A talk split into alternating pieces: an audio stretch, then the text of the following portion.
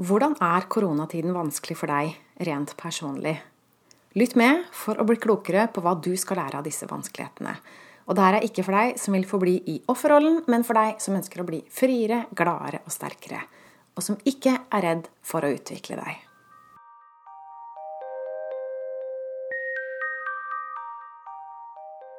Jeg heter Line Strandvik. Jeg jobber online som personlig veileder, hvor jeg hjelper deg tilbake til sannhet, hvor livet er ekte og meningsfullt.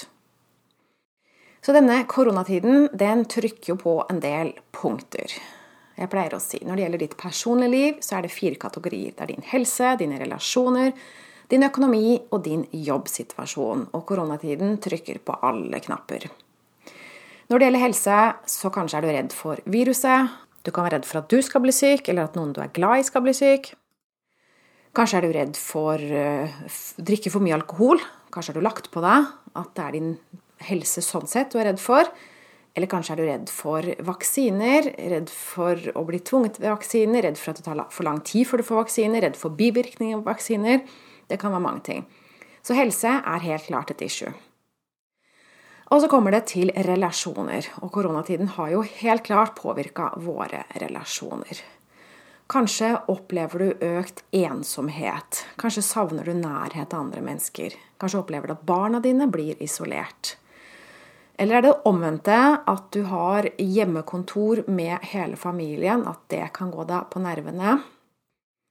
Eller irriterer du deg over at andre mennesker skal kontrollere deg? Eller irritere deg over at andre mennesker ikke følger retningslinjene. Eh, sosiale restriksjoner, påbud om munnbind. Eh, det var snakk om litt hytteskam for en stund tilbake, at man ikke skulle på hytta.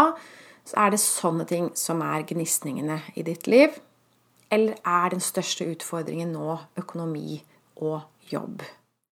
Så hva er vanskeligst for deg? Si det høyt for deg selv. Det er noe du skal lære av akkurat det. Vet du hva det er? Si det høyt. Ok. Tror du at statens tiltak er til vårt beste? Eller tenker du at dette er galskap? Hvis du er en av dem som tror at staten gjør sitt beste for deg, så risikerer du å lukke øynene for skadevirkningene av de tiltakene som blir gjort. Og du risikerer å gå med på ting du ikke burde gå med på. Når vi ser hvor mye galskap lederne våre finner på, og hvor mye korrupsjon og løgner og svindel det er, så blir vi mindre autoritetstro. Vi blir mer kritiske. Så vi begynner å undersøke saken nærmere selv, før vi aksepterer det de sier som sant. Og jo mer du undersøker, jo mer finner du ut som ikke er sant. Så hva om staten virkelig styres av narsissistiske krefter? Hva om de tjener en global elite, og ikke folket, som de later som? Hvis du er naiv, så lukker du øynene for at staten ikke alltid gjør det beste for oss. Det er den ene grøften du kan ramle ned i.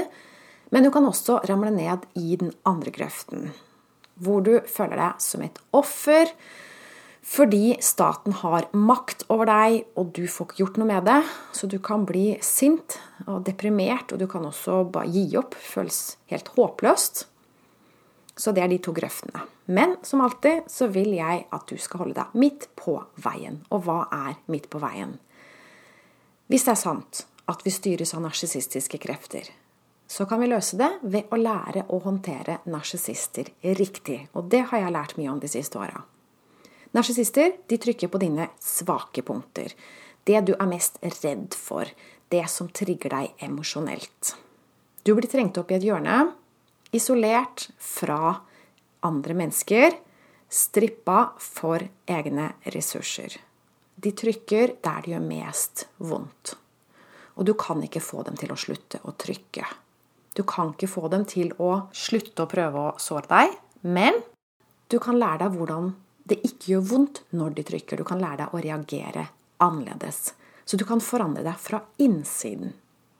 Og det er en ny måte å reagere på for mange. Og derfor tar det litt tid før de går den veien, før de går den retningen. De skal liksom prøve alt mulig annet først. Ytre tiltak. Det må jo være noe jeg kan gjøre. Men det er først i det øyeblikket du innser at du kan ikke kontrollere narsissisten, du kan ikke kontrollere andre mennesker, men du kan kontrollere hvordan du reagerer. Narsissisme er en spirituell krig og kan kun vinnes med spirituelle metoder. Du er nødt til å gå innover i deg selv. Så hvis du begynner å stille deg disse spørsmålene Hvem er jeg? Hva kan jeg? Når du begynner å tenke sånn, da har du starta din åndelige oppvåkning. Og på denne veien så vil du oppdage at ingen andre har makt over deg annet enn den makten du gir dem. Ingen kan gjøre deg syk, fattig, isolert, ensom. Du har det du trenger i deg selv til å få et godt liv. Så la oss gå tilbake til mitt opprinnelige spørsmål. Hva presist med koronatiden er vanskelig for deg rent personlig? Og hva skal du lære av det? Hvordan skal du utvikle deg på det?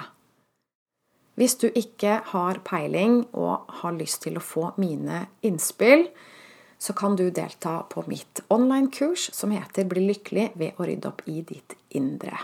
Og For å finne ut om det er for deg, så kan du gjerne bestille en gratis avklaringssamtale med meg først på linestrandvik.no skråstrek klarhet. Tusen takk for at du lytta med. Jeg håper det satte noen nye tanker i gang i deg, og at du innser at du er aldri et maktesløst offer. Det er alltid en vei ut. Livet er ikke så ondt at det plasserer oss, trykker oss opp i et hjørne og tvinger oss til å gjøre ting eh, og være noe vi ikke ønsker å være. Det er alltid mulig å komme videre. Smerte, ubehag, det er føringer som skal dytte oss i en ny retning. Og det er det koronatiden kan brukes til, hvis du velger det. Hvis ikke du vil bli offerrollen. Takk for din oppmerksomhet. Ha en riktig fin dag videre. Ha det!